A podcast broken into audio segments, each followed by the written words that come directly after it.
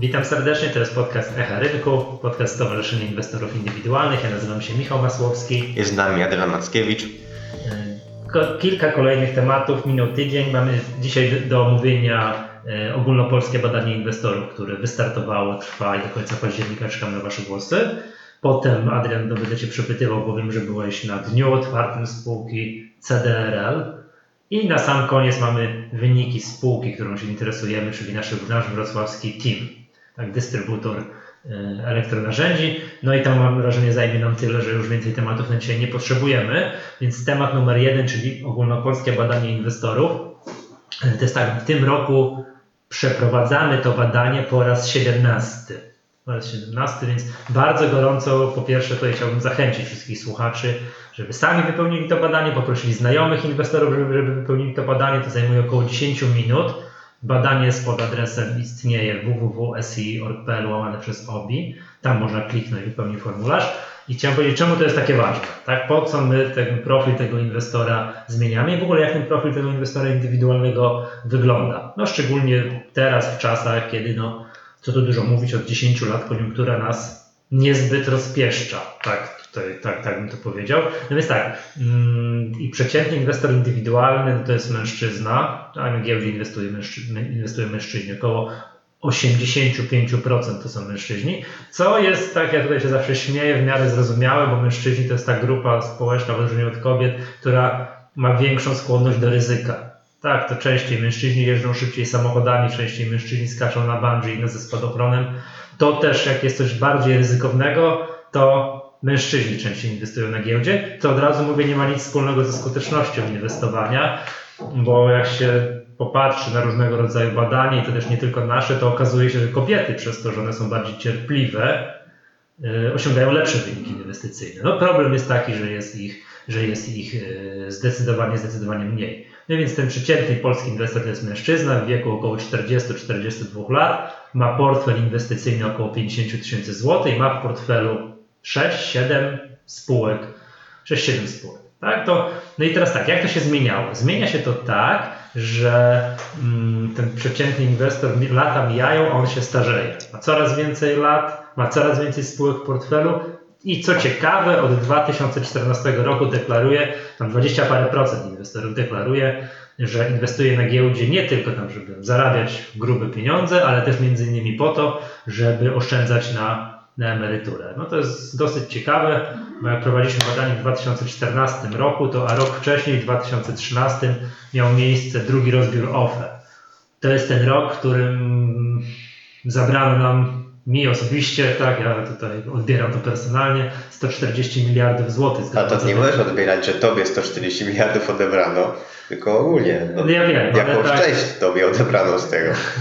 No rozumiem, tak? Jak, ja to się zawsze śmieję, jak, jak, jak tam oglądam jakieś, teraz są programy wyborcze, wybory za miesiąc, ja tam się, że mówią, dajcie moje 140 miliardów, będziemy dy, dyskutować dalej, tak? E, ale to był ten rok, zostawmy te 140 miliardów, bo jakby jednym z efektów tej, nazwijmy to antyreformy OFE, zwanej też drugim rozbiorem OFE, było to, że Polacy dowiedzieli się o czymś takim, że gdzieś są jakieś składki płacone, oni płacą jakieś składki, one są odprowadzane do ZUS-u, są jakoś dzielone na konto, subkonto, część jest odprowadzana do OFE, w ogóle ktoś tymi składkami zarządza, a tak w ogóle to emerytury nie będzie.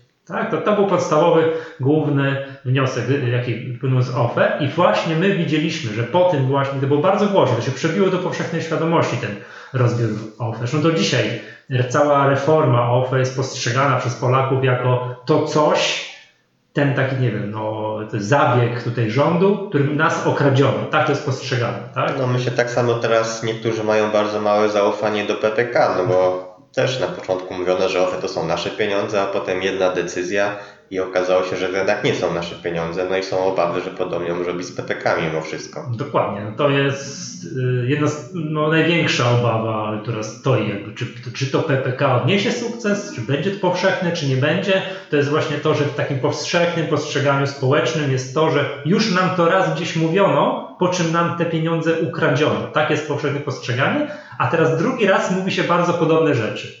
To niby dlaczego miałbym mu wierzyć, tak? No to jest postrzeganie właśnie OFE, a później PPK. No ale dążę do tego, że właśnie wtedy, po tym drugim rozbiorze OFE, właśnie po tym, po tym nie boję się tego słowa, ukradzeniu nam 140 miliardów, w naszych badaniach y, pokazało się, że ludzie zaczęli wykorzystywać rynek kapitałowy jako miejsce, gdzie samodzielnie oszczędzają na emerytury. Przedtem to spekulanci takie, że chcą pomnażać pieniądze. No nie po to idzie, idę na giełdę, żeby tam oszczędzać 5% rocznie, tylko po to idę na giełdę, żeby tam zarabiać, e, tak, zarabiać gru, grube pieniądze i zostać rekinem finansowym. A teraz nagle się okazało, że ludzie też chcą oszczędzać, e, oszczędzać, oszczędzać na emeryturę. I to pięknie w naszych badaniach widać, że lata mijają, przeciętny inwestor się starzeje i nie jest to nic złego, ponieważ inwestorzy indywidualni na rynkach zachodnich są o wiele starsi niż przeciętni, przeciętni polscy inwestorzy mamy coraz większe, coraz bardziej, bardziej wartościowe portfele. Mimo tego, że koniunktura jest jaka jest, to jednak przeciętny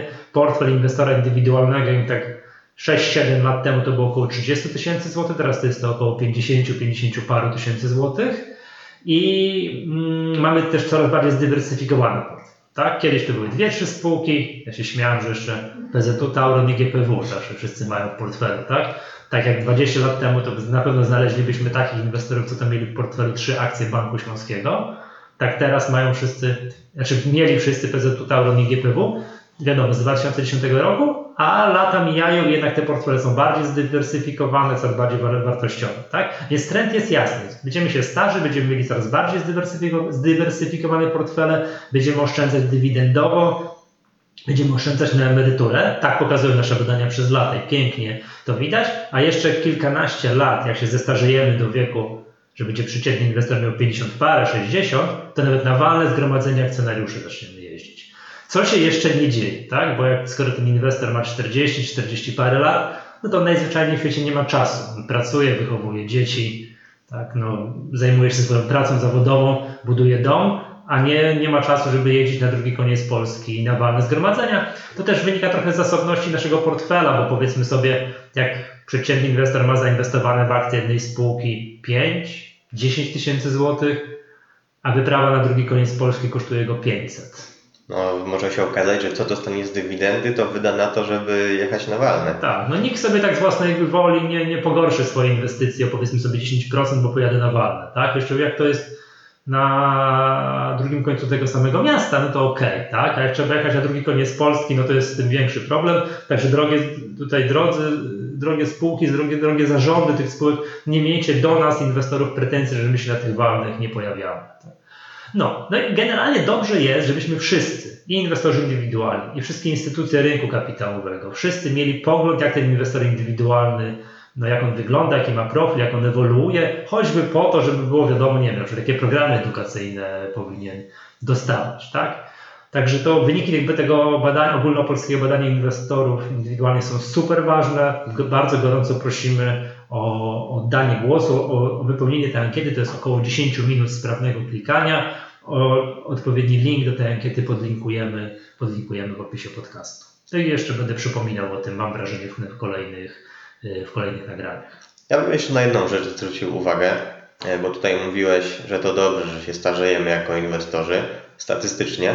E, natomiast myślę, że ma to też taki trochę aspekt negatywny, e, czyli że młodzi nie za bardzo napływają na tą giełdę. Natomiast myślę, że to też nie jest tylko problem Polski, jakby polskich inwestorów, ale ogólnie światowa tendencja, że milenialsi też nie do końca mają po drodze z giełdą i szukają. No zresztą też na poprzednich podcastach rozmawialiśmy o różnych innych popularnych e, instrumentach, e, bitcoiny, kryptowaluty, forex i różnego, różnego innego rodzaju wehikuły inwestycyjne. I myślę, że to też jest jakieś wyzwanie, które stoi przed e, rynkiem kapitałowym, aby tutaj mimo wszystko ci nowi inwestorzy też się pojawiali i byli zainteresowani no. inwestycją, oszczędzaniem Polska, znaczy polskie kapitałowe, polska giełda ma niestety to, ten taki problem, że przestała być postrzegana jako fajne miejsce.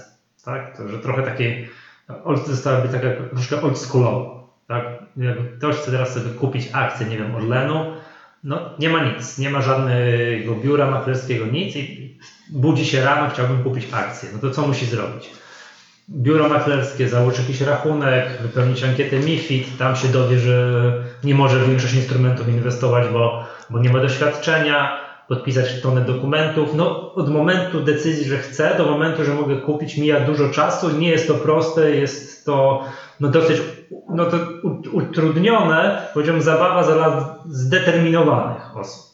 Tak? Przeciętny młody student, młody, młody, młody człowiek, jak chce kupić jakąś kryptowalutę, no to w 15 minut za pomocą smartfona ogarnie, jak to się, jak to się robi. No to jest taka drobna, drobna różnica. Mówiliśmy o tym, pamiętasz, w odcinku tak. Revolut tam wprowadza, wprowadzał e, jakieś tam możliwości inwestowania w akcje, tak? No więc to tutaj, to powraca. Pier, z naszych badań wynika, że takie dosyć duże odmłodnienie tego profilu inwestora, że kiedy, kiedy był taki ostatni moment, że bardzo dużo młodych osób napłynęło na rynek, to było lata temu i to było w 2010 roku.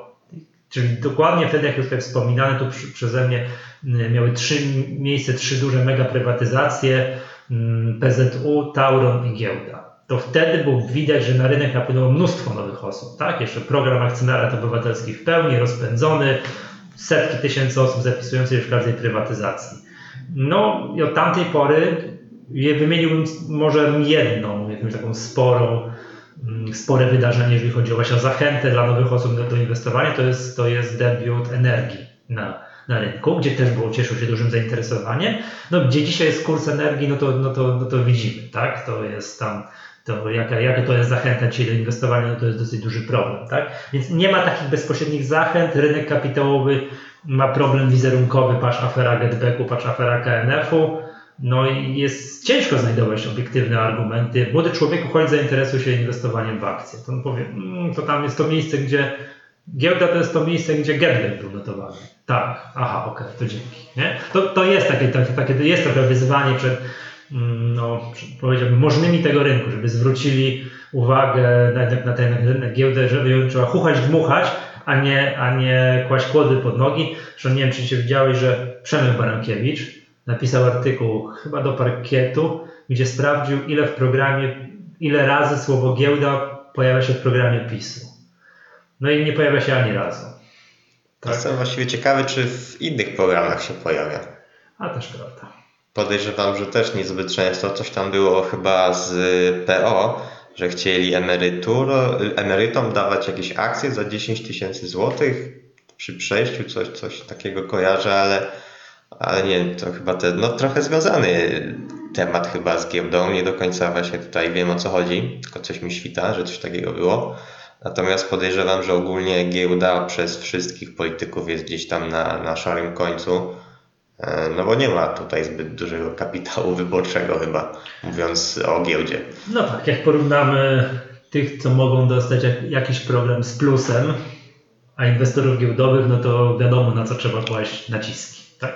Dobrze, przestańmy narzekać. Kończąc temat tej, tego może, żebyśmy, bo, znowu, bo taka dyskusja zawsze ma to niebezpieczeństwo, że skręcimy w kierunku narzekania, bo to dochodzimy zawsze do kondycji rynku, tak? kondycji stanu rynku kapitałowego, no ale to chciałbym mimo wszystko zachęcić, oddajcie głos, drodzy słuchacze, w ogólnopolskim badaniu inwestorów. Odpowiedni link tam będzie w opisie i to jest www.sco.pl łamane przez OBI. Tam trzeba kliknąć, wypełnić tam, a ty, można wygrać kilka atrakcyjnych nagród. Dobra, przejdźmy do y, spółek, które mamy tutaj na tapecie. I pierwsza to jest sprawa to jest taka, że Adrian byłeś wczoraj, pojechaliście z Pawłem na dzień otwarty spółki CDRL. Powiedz mi, co się działo i czy było warto, bo to pod Poznaniem trzeba było, tak? Tak, to było w siedzibie spółki pod Poznaniem, e, w Pianowie. No, muszę przyznać, że jestem dużym fanem e, Dni Inwestora, e, Dni Otwartych w spółkach giełdowych, bo jest to naprawdę fajne spotkanie ze spółką. Można się o niej dużo dowiedzieć, co szczególnie dla inwestorów e, fundamentalnych jest nieocenione spotkanie ze spółką. To jest też o tyle moim zdaniem trochę odmienne spotkanie od takiej konferencji wynikowej, na którą właściwie też możemy jechać i posłuchać o wynikach e, finansowych minionego okresu. Natomiast na dniach inwestora często jest też tak, że spółka bardzo dużo mówi o, o własnym biznesie, który, który prowadzi. Więc e, wiele rzeczy, których no tak naprawdę trudno znaleźć w sprawozdaniach finansowych, ale przybliżają nam, po, po, pomagają nam lepiej zrozumieć ten, ten biznes, który prowadzi jedna firma, no i dzięki temu lepiej analizować i oceniać e, spółkę. Zawsze no i, można zadać nieocenione pytanie, czym Państwo się w ogóle zajmujecie. tak, tak, zawsze można zadać pytanie, takie czy, czy też e, bardziej szczegółowe. E, no i myślę, to jest też fajne, że można po prostu zobaczyć e, jakąś część tego, co spółka robi. Tak? Akurat w CDRL-u e, na tym dniu inwestora byliśmy w magazynie, zwiedzaliśmy tam magazyn spółki i tam przedstawiciel opowiada, jak to wszystko wygląda, proces przyjęcia wysyłki towaru i także biuro projektowe, jak jak projektuje się właściwie e, te, te ubrania. Takie dni otwarte mają tę zaletę, że pozwalają zobaczyć kawałek biznesu, co jest tak. szczególnie efektowne w przypadku spółek produkcyjnych, które robią coś, tak? Przypomnijmy, no, organizowaliśmy na przykład dzień otwarty w spółce CCC, no to też robi ogromne wrażenie. Ale teraz, parę tygodni temu był dzień otwarty w spółce Enea, gdzie jakiś blok energetyczny w Kozienicach był zwiedzany tam Weszliśmy na komin, znaczy jakiś, jakiś elektrociepłowierz, nie na komin, taki, tylko taki blok energetyczny o wysokości 105 metrów. No też można zobaczyć, jaka to jest skala działalności. Teraz za kilka tygodni będzie miał miejsce dzień otwarty w KGHM, gdzie będą dwie grupy. Jedna grupa będzie zwiedzała hutę, a jedna będzie zwiedzała kopalnię.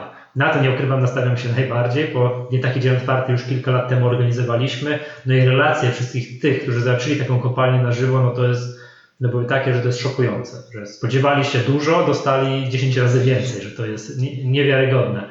No, pewien problem z organizacją takich dni otwartych, żeby pokazać, że biznes miał wszystkie spółki finansowe, no bo co takie PZU mogłoby pokazać?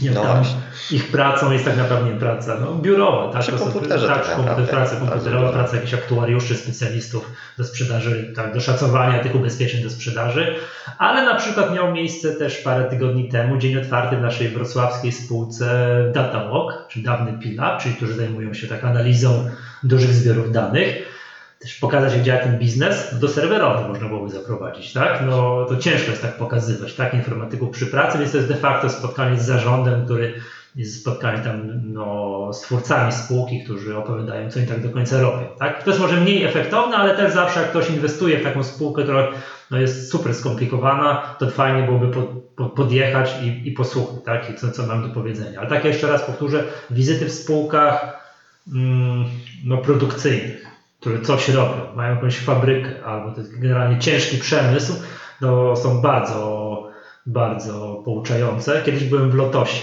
tak na może objeździe z tego zakładu, no to spodziewałem się, że to jest taka rafineria, to, to jest duże, ale to co zobaczyłem na miejscu na żywo, jak to wygląda, jakie to jest skomplikowane, jakie to jest przedsięwzięcie, no to to jest niewiarygodne. To naprawdę, to naprawdę robi wrażenie. Lata temu kojarzę, jeszcze byłem kiedyś w Amice i jeszcze też lata temu kiedyś byłem w Groklinie, czyli tam w Grodzisku Wielkopolskim, tam gdzie szyją te pokrowce na te, na też na te wszystkie samochody, ale to już było 100 lat temu, zakładam, że to wygląda teraz zupełnie inaczej, zakładam dwa razy, niestety, dwa razy większe, dwa razy bardziej nowoczesne.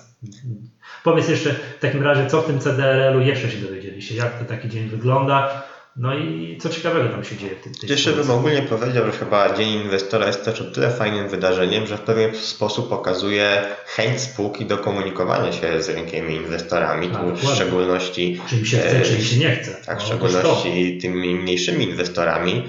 Także myślę, że to, to może być też taki argument, że przyszłościowo e, w kolejnych latach e, spółka prawdopodobnie dalej będzie zamierzała się E, dobrze komunikować, a no, nie ma co ukrywać, że inwestor indywidualny, który często też właśnie bazuje, e, no nie uczestniczy jakby regularnie w konferencjach, często być może bazuje tylko na sprawozdaniach, no to myślę, że tutaj też e, ma pewien sygnał od spółki, że ona chce się z nim dobrze komunikować, nie chce tam nic ukrywać i, no i dzielić się tym, co się dzieje w biznesie. Także jeśli chodzi już wracając do CDRL-u, E, poza właśnie zwiedzaniem magazynu i e, tym, jak przedstawiciele pokazywali biuro projektowe i jak w ogóle e, od czego zaczyna się sama koncepcja pracy nad, nad nową kolekcją i jakie etapy po kolei są wykonywane, no to była też właśnie prezentacja poświęcona wynikom spółki za, za pierwsze półrocze 2019 roku. No tutaj też przedstawiciele tłumaczyli skąd takie, a nie inne wyniki. Tym bardziej, że no, jeśli chodzi o wyniki finansowe CDRL-u, to one nie są zbyt kolorowe właśnie w tym pierwszym półroczu, e, no bo trudno tutaj e, mówić o dobrych, jak się przynajmniej na pierwszy rzut oka spojrzy, e, kiedy spółka zwiększa przychody o 100%, czyli je podwaja, natomiast zysk netto spada o 80% i gdzieś tam można powiedzieć, ledwo co spółka wychodzi na zero na zysku netto. To nie brzmi dobrze. No właśnie, to nie brzmi mhm. dobrze. Natomiast to oczywiście, no czym oczywiście w przypadku CDRL-u to wynika z E, akwizycji e, Buslika, białoruskiej firmy, e, z którą właściwie CDRL od wielu lat współpracował. Teraz po prostu przejął większość udziałów w tej firmie. No i Buslik to jest to na tyle specyficzna firma, że ona rzeczywiście dodatnie wyniki właściwie osiąga tylko w ostatnim roku, w ostatnim kwartale danego roku więc tutaj ujemnie kontrybuje do wyników pierwszego półrocza. W trzecim kwartale prawdopodobnie też gdzieś ten, ta kontrybucja może być jeszcze ujemna. E, no i to jakby jest jeden powód y, tych słabszych y, wyników, przynajmniej jeśli chodzi o zysk netto. Natomiast w CDRL-u to pierwsze półrocze w samym CDRL-u, jakby porównywalnej grupie bez jeszcze przyjęcia buslika też e, ze względu na dolara, na trochę niższe marże, E, no i ogólny wzrost chociażby kosztów wynagrodzeń. Też w samej spółce ten pierwszy kwartał był trochę, trochę słabszy na poziomie zysków, no i stąd, stąd y, takie, taka duża rozbieżność pomiędzy podwojeniem przychodów a bardzo mocnym spadkiem zysku netto. E, no i tutaj właśnie też opowiadali przedstawiciele o perspektywach na kolejne okresy, o strategii, jaką chcą realizować i kontynuować. Był prezes Buslika, który opowiadał, z którym też można było. Z tej Ukrainy. Tak. To Ukrainiec? Eee, czy już nie? To czy z Białorusi, tak więc chyba Białorusin. Wydaje mi się, że Białorusin. E, więc można też było z nim porozmawiać o tym Busliku. To tam też właśnie e, kwestia Buslika jest e, o tyle ciekawa, czy trudna do analizy, no bo właściwie nie ma sprawozdań Buslika. CDR w swoich sprawozdaniach też zbyt wiele nie pokazuje, jeśli chodzi o wyniki tego samego Buslika, natomiast na dniu inwestora było to wszystko wytłumaczone i sam Buslik tutaj też miał gorsze wyniki niż rok temu, także ta strata była jeszcze większa. Natomiast wynikało to e, z dwóch chyba takich głównych powodów. Po pierwsze wzrost wynagrodzeń, także były wyższe koszty wynagrodzeń, a z drugiej strony po przejęciu przez CDRL jest tam cała masa działań takich organizacyjnych, strukturalnych, E, i między innymi Buslik e, też wyprzedawał e, towary na no, niskiej marży. Mm, koncentrował się tutaj na upłynnieniu zapasów, no bo docelowo ma też głównie koncentrować się na, na sprzedaży właśnie marek CDRL-u i mm, innych marek właśnie z grupy CDRL. Czyli, czyli Cocodrillo, tam spółka też przy, przyjmowała mm, firmę Lemon ostatnio i i właśnie Buslik e, docelowo ma sprzedawać te produkty własne też o wyższej marży, więc ten myślę, że 2020 rok zapowiada się naprawdę ciekawie i dla Buslika, i dla mm, CDRL-u, czyli właściwie dla całej grupy CDRL. E, zobaczymy, jak jeszcze wyjdzie ten czwarty kwartał, który też wyda, tego roku już też wydaje się, że powinien być e, całkiem ciekawy. No przede wszystkim Buslik tutaj raczej chyba powinien pokazać E, dodatnie wyniki w czwartym kwartale. No, nie ma też co ukrywać, że spółka jest w naszym fundamentalnym portfelu, więc i tutaj też właściwie od początku. A my zaklinamy deszcz teraz. Nie, nie, nie, nie zaklinamy deszczu. To, tak, to już akurat y, od, też od dawna komentujemy w, y, tutaj właśnie w komentarzach do, do CDRL-u, że liczymy na ten czwarty kwartał, bo tam Buslik powinien E, pokazać dodatnie wyniki. Mhm. Czy CDRL, to w ogóle widzisz to jak zawodowi analitycy, w ogóle nie powiedzieliśmy, kto tu się zajmuje. Przypomnijmy, że to jest produkcja i handel ubrankami dla dzieci. Tak, tak właściwie. Jako Cocodrillo kiedy, znaczy, jako marka jest Cocodrillo, nawet spółka się tak nazywała, oni zmienili nazwę, bo podejrzewam, że jak na stacji benzynowej przyszło im dyktować dane do faktury Cocodrillo, no to, to nie, nie dziwię się, że zmienili nazwę, tak? Spółka giełdowa nazywa się CDRL. E, powiem tak, kurs mi się nie podoba, tak? Ale to jest pochodna tego, co powiedziałeś o tych wynikach, one są blisko rocznych minimów, no i tak można powiedzieć, od takich trzech, czterech lat są na podobnych poziomach. Powiedz mi, czy taka spółka, czyli właśnie produkcja, handel ubrankami dla dzieci, to jest spółka, która e, korzysta, dla której dla niej nie, chociażby prowadzenie programu 500, czy teraz rozszerzonego programu 500, to jest dobrze, to oni są jakby beneficjentami tego typu rozwiązań? No w jakimś stopniu na pewno. Każde działania, które zwiększają dochód rozporządzalny Polaków, to jest dobrze dla detalistów. W szczególności są ubranka dla dzieci. Tak? No, no tu jeszcze dobrze, żeby był przyrost naturalny duży, no bo wiadomo, żeby, A, tak. żeby popyt się zwiększał, e, czyli żeby było właśnie coraz więcej dzieci, no bo... A to jest spółka, która CDR prowadzi jakąś ekspansję zagraniczną? Tak, oni są aktywni za granicą. Yy, może nie jakoś, e, jakoś w bardzo dużym stopniu, natomiast ma, może, może inaczej, nie mają jakiegoś jednego kierunku, w który mocno idą. No, Białoruś, tak, teraz przejęli Buslika, więc, więc tutaj mocny, mocny nacisk właśnie w ten, w ten kierunek. Natomiast ogólnie mają e, dużo pojedynczych sklepów, czy, czy, może nie pojedynczych, ale w małej liczbie w, w wielu, wielu krajach naprawdę, na, na świecie tak naprawdę. Mhm. E, często są to franczyzy albo E, shop in shop, czyli wydzielone miejsca w sklepie, gdzie jest sprzedaż właśnie, e, oferta CDRL. Mm, no dobra, bo tak napisaliście z Pawłem rekomendacje CDRL-u, tak. to więc macie spółkę tak. prześwietloną no, ze wszystkich stron. Jakie są główne czynniki, mm, na które inwestorzy powinni patrzeć, które mają znaczenie w przypadku takiej spółki? No jedną rzecz powiedziałeś, czyli ten przyrost naturalny. Jakby była jakaś eksplozja teraz demograficzna, tak?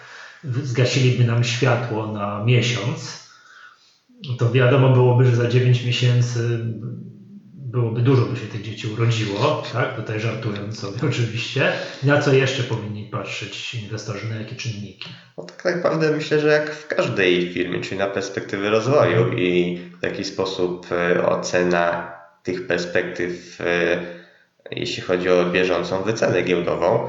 Mm, więc y, no moim zdaniem w CDRL-u na moment obecny e, no bardzo ważne będzie, jak sobie sam CDRL będzie radził w drugim półroczu.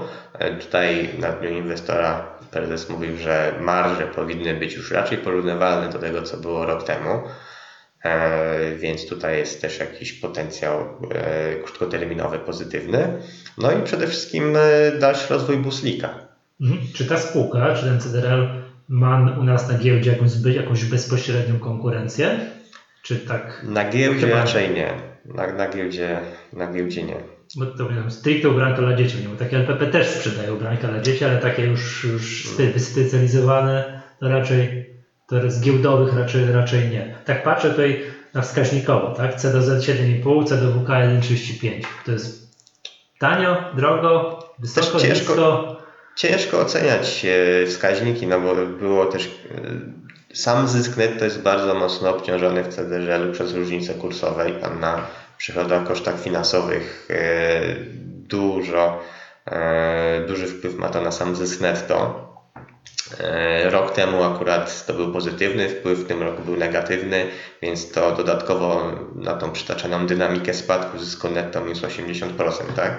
Także te różnice kursowe też mocno się tutaj E, odcisnęły. Natomiast myślę, że warto wspomnieć o dywidendzie, którą płaci CDRL, bo płaci właściwie regularnie. E, I też tam przedstawiciele wspominali, że w przyszłości, jak Buslik już e, zreorganizuje się i rzeczywiście tutaj będzie pozytywnie kontrybuował do, do wyników firmy, no to jakaś część tych zysków też może być przeznaczona akcjonariuszom na potencjalnie wyższą dywidendę. No tak, no co by się działo, spółka dywidendę płaci, więc to jest tak, no, no w okolicach 3%, jeżeli w stosunku do kursu, wiadomo, że to się zmienia, tak, aktualnie jest jakieś tam 0,8 złotego, widziałem gdzieś w tych okolicach. Tak, co i tak było pozytywnym zaskoczeniem, bo to było po przyjęciu właśnie Buzlika i innych właśnie też akwizycji mniejszych e, firm e, w Polsce, więc to 80 groszy myśli tak było całkiem wysoką E, dywidendą. No i tutaj w długim terminie, przynajmniej ja też liczę, że ta dywidenda powinna rosnąć. No ta dywidenda, jak spojrzymy na kurs, no to jest coś, to, to ja zawsze powtarzam, że to jest, lata płyną, kurs tak tutaj widzę tu tego CDR, między 20 a 30 parę złotych, stabilizuje nam te stopy zwrotu. Grzecznie ta złotówka, złoty z hakiem, 80 groszy, jak co roku wpływa, no to to jest zawsze, zawsze, zawsze miło, prawda? Zawsze przestaje to po wielu, wielu latach mieć powoli znaczenie, czy jesteśmy tam w danym roku plus 5%, minus 10%, bo zawsze uzbieraliśmy sobie przez lata trochę, trochę dywidendy. Też tak patrzę na akcjonariat spółki, jest trochę z funduszy inwestycyjnych, to jest spółka o wartości 120 paru milionów złotych i główny akcjon, główni akcjonariusze plus wszystkie fundusze mają aż 92%, czyli ten free flow to jest Tak. no raptem 8%, tak? To też należy mieć na uwadze. Ja nie, nie śledzę tego na bieżąco, ale domyślam, że to nie jest zbyt płynna spółka. No nie, to trzeba przyznać, Tak, że nie więc jest. to też takie tego typu rzeczy trzeba mieć na uwadze, jak się inwestuje, tak? Że ile? Tak? Ile tak w jakąś konkretną inwestycję, na konkretną inwestycję przeznaczamy, no po to, żeby w razie czego drzwi nie były za wąskie. Ja myślę, że CDR to jest bardzo ciekawa, ciekawy pomysł na długoterminową inwestycję, w tym dywidendową. Okej, dobra. I przejdźmy do drugiej spółki, którą też mieliśmy dzisiaj omówić. Wyniki za drugi kwartał, tak za drugie półrocze ogłosił nasz wrocławski team, tak, czyli dystrybutor Nasz? elektronarzędzi, tak, duży dystrybutor elektronarzędzi. Eee, No i co w teamie? E, Zgodnie z tendencjami z pierwszego kwartału, więc e, mówiąc krótko, można powiedzieć bardzo dobrze. E, Przychody w górę, zyski jeszcze bardziej w górę. E, I tak naprawdę e, w teamie skoncentrowałbym się tak naprawdę na tej e, pierwszej marży, e, czyli zysku brutto ze sprzedaży, czy też e, kolejnej marży ze sprzedaży, bo to jest moim zdaniem bardzo ważne w teamie. I tutaj trzeba e, podkreślić, że spółka istotnie zwiększa te marże. E, Może tak zaczynając od początku. Przychody oczywiście e, w górę i w samym drugim kwartale wzrosły o 6%. E, Natomiast wynik na sprzedaży wzrósł o no, 236%. Tutaj To jest akurat odwrotnie widzę niż w tym, niż w CDR, tak? no, natomiast to o teamie też mówiliśmy już wcześniej, w jednym ze wcześniejszych podcastów, skąd y, takie wyniki były w 2018 roku i e, niezbyt duża baza. E, więc tutaj widać tą bardzo dużą poprawę, co, co spółka. E, oczywiście nie wzięło się to znikąd, nie przez przypadek, tylko były to działania spółki, które na to wpłynęły, czyli przede wszystkim zbudowanie odpowiedniej wielkości sprzedaży, e, dzięki czemu właśnie spółka e, już e, no, je, je- jest jakby rentowna na tym e-commerce. No i zwiększa tą rentowność, no i także różne inne działania koncentrujące się właśnie na tym, żeby marża była jak największa, czyli spółka, spółka ma rozróżnione produkty e, zielone, żółte i czerwone pod względem marży. Chce sprzedawać zielone, jak najwięcej zielonych, czyli tych o najwyższej marży, e, które tak charakteryzują się marżą brutto na sprzedaży powyżej 20%. I to też jest, myślę, w pewnym sensie może jakiś fenomen, że spółka rzeczywiście od e, wielu kwartałów zwiększa przychody, a jednocześnie w tej strukturze przychodów najmocniej rosną właśnie te produkty zielone, najwyżej marżowe, no i to, e, to właśnie prze- przekłada się w tym 19 roku na taki skokowy wzrost e, zysków, przynajmniej tych, tych ze sprzedaży. E, No i tutaj ta marża, powiedzmy jeszcze w drugim kwartale, marża mm, ze sprzedaży wyniosła 3,6%, kiedy rok temu, rok temu było to 1,1%, więc tutaj też e, o ponad 2 punkty procentowe wyższa marża. Mhm. Powiedzmy, że Team jest kolejną spółką, za którego no, wydaliście rekomendacje, tak? Jest chyba też szczegółowy raport wraz z rekomendacją e, dostępny, też podlinkujemy go w opisie podcastu. Dla mnie takim ogromnym zaskoczeniem z, z końcówki zeszłego roku, i też to już mówiłem, była wypłacona dywidenda, tak? Spółka jest warta, czy kurs jest 8 zł, wtedy był w okolicach w okolicach 6, a spółka wypłaciła złotówkę dywidendy. No to było wow, to było 13% w tamtym momencie. No druga sprawa, że to była pierwsza dywidenda od 5 lat. Tak, od, od tak. momentu, kiedy właśnie spółka zmieniła model biznesowy z tego stacjonarnego biznesu na e-commerce. Tak, w kierunku tego e-commerce'u i to musiała sobie poukładać. No widocznie na tyle poukładała, że że, tak to, że, że, że mogło to dywidendy wypłacić. To też był fajny wzrost kursu w pierwszej połowie 2019 roku. To, co jeszcze tutaj trzeba powiedzieć, to jest tak, jak mówiliśmy w przypadku CDR, zwracaliśmy uwagę, że był fajny dzień inwestora, że można było pojechać i posłuchać. Tak, tak team ma taką, organizuje takie coś, że zaprasza, nazwijmy to, interesariuszy spółki i jakieś osoby, które tak e, współpracują ze spółką na różnych poziomach, od klientów, dostawców, jakichkolwiek zainteresowanych z jakichś różnych rodzajów ciał współpracujących, też na nas, inwestorów i urządza takie dyskusje o spółce. Takie właśnie, co się dzieje, jak są, jak jest spółka postrzegana z różnych aspektów, ponieważ jakieś dokumenty na ten temat powstają, spółka nad tym pracuje. To widać było, mm, no, prezes Folta no, powiem, powiem, tak, człowiek z bardzo dużym poczuciem humoru i dystansem, dystansem do siebie, tak, polecam jakąśkolwiek transmisję yy, wyników kwartalnych, jeżeli spółka akurat organizuje jakąś konferencję i prezes Wolta się wypowiada, to polecam naprawdę, bo to zawsze bardzo miło posłuchać, że takie rzeczy się dzieją i wiem, że na początek października kolejne takie spotkanie jest zaplanowane, także pamiętam, byłem rok temu na wakacjach, dobrze mówię, w 2018, tak, kiedy spółka, mam wrażenie, była w przeddzień ogłaszania wyników tego, tego co powiedziałeś, czyli przechodzenia, tego skręcania w kierunku e-commerce'u, czyli mm, że te pierwsze wyniki zaczęło być widać, te, tak? Bo teraz już je bardzo widać, nie jestem ciekaw jak, jak teraz, już potem po roku z hakiem takie, takie spotkanie, jakie wnioski, jakie, jakie wnioski teraz będą postawione i co będzie poddane, poddane pod dyskusję.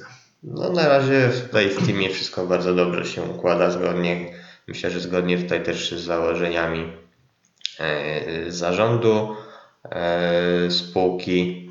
Ja by jeszcze, jeszcze jedynie może krótko dodam, że powoli też spółka wchodzi na coraz wyższą bazę porównawczą. Tutaj w 2018 roku ta druga połowa była już trochę lepsza, szczególnie czwarty kwartał. Tak, to już, był, tak to już był ten okres, tak, już były czwarty, wyniki mhm. super, zgadza się. Więc tu ewentualnie można mieć to na uwadze przy, przy analizie tej spółki, natomiast E, no póki co bardzo myślę ciekawie to wygląda. To jeszcze, I no. przy takich wynikach, e, które są już powtarzalne, tak mi się przynajmniej wydaje, no to jeśli chodzi o jakąś bardziej stabilną politykę dywidendy, już nie raz na 5 lat. I nie jest tak zasadzki, tak, że tak, tylko prawda, spółka to by się przydało. Mhm. Spółka na razie wstrzymuje się z komentarzami co do dywidendy, co właściwie jest zrozumiałe, e, natomiast wydaje mi się, że przy, przy, właśnie przy tych wynikach, przy tej skali biznesu, którą prowadzi teraz, tutaj może się pojawić jakaś yy, coroczna dywidenda. No to dobrze powiedziałeś, bo ta poprzednia dywidenda była taka, że wow, z jednej strony gigantyczne zaskoczenie, ogromna dywidenda, z drugiej strony należy zadać sobie pytanie, czy nie będziemy 5 lat czekać na kolejną. Fajnie by było, jakby jakaś przewidywalność i tutaj stabilność się pojawiła. Jeszcze dajmy, że Team to jest taka spółka, która jest warta aktualnie 187 milionów. No i teraz tak, moje dwa ulubione wskaźniki. C do Z11, C do WK 1,18. Dużo, mało? Trudno powiedzieć tak naprawdę. Tutaj też trzeba zwrócić uwagę, że jeśli chodzi o ten zysk netto, to tam jest on trochę zaburzony różnymi zdarzeniami jednorazowymi. E, natomiast e, z drugiej strony spółka też e, bardzo dynamicznie się rozwija, jeśli chodzi chociażby o te zyski. Te dynamiki mogą być całkiem spore, no i to też jakby zawsze warto porównać do chociażby C do Z, jaka jest dynamika wzrostu. Chociaż akurat w wyniku netto, no to znowu dużo, dużo też właśnie jest zaburzeń tymi zdarzeniami jednorazowymi. Teraz jeszcze te MSF-y weszły, one też trochę obniżają zysk netto. Natomiast no, ogólnie C11 to już powiedzmy jest bardziej normalna wycena niż y, jak wiele spółek jest tam wycenianych jeszcze na kilka. Niż, jeszcze niżej jakiś jednocyfrowy C. Tak, no i w odróżnieniu od CDRL-u, który powiedzieliśmy sobie, że ma bardzo to mizerny free float, tak to bym powiedział, mhm. no to, no to, no to widzę tutaj głównie akcjonariusze plus trochę funduszy, znanych tutaj nazw widzę w akcjonariacie, to jest 65%, czyli no tutaj 30, tak 35% jest free float. Czyli git, czyli jest nieźle, tak. jakaś, jakaś płynność, jakaś płynność, no też nie jest zachwycająca, jak, tutaj, jak, to widzę. No jednak jest to mała spółka, mała tak, spółka. a małe, małe spółki mają problemy ogólnie jako, że z tego powodu, że są małymi spółkami, mają problemy z płynnością. E, nasza giełda ma pewne problemy z płynnością, no i tutaj Jak się jest małą spółką, to automatycznie masz, ma się taki czynnik ryzyka. Tak, ale to warto powiedzieć, bo to nawet nie chodzi o czynnik ryzyka, okej, okay, to masz to jest racja, tylko po prostu zawsze jak inwestor indywidualny, który ma tę przewagę nad y, funduszem inwestycyjnym, że inwestuje odpowiednio mniejsze kwoty i może zainwestować takie kwoty, które może sobie dostosować do wielkości spółki i powinien to robić. Tak? I powinien to robić, że gdyby przyszło co do czego, to powiedzieć, aha, płynność tu jest taka, czyli ja ewentualnie, gdybym był zmuszony szybko wyjść. Już nie mówię dlatego, że spółce może się źle dziać, po prostu ktoś może potrzebować pieniędzy na jakieś inne cele, to żeby te szybkie wyjście było w miarę bezpieczne dla kursu, nie spowodowało uszczerbku na choćby jego własnym, jego, jego własnym portfelu, własnym majątku. To trzeba mieć na uwadze i popatrzeć, jak to się mniej więcej te, te, te, ta płynność zachowuje.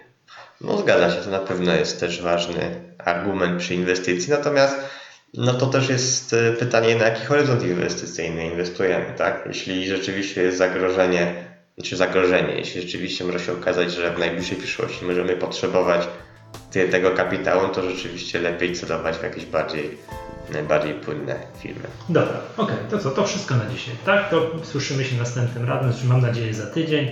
To był podcast Echa Rynku, ja nazywam się Michał Masłowski. Był z nami Adrian Mackiewicz. Do usłyszenia następnym razem.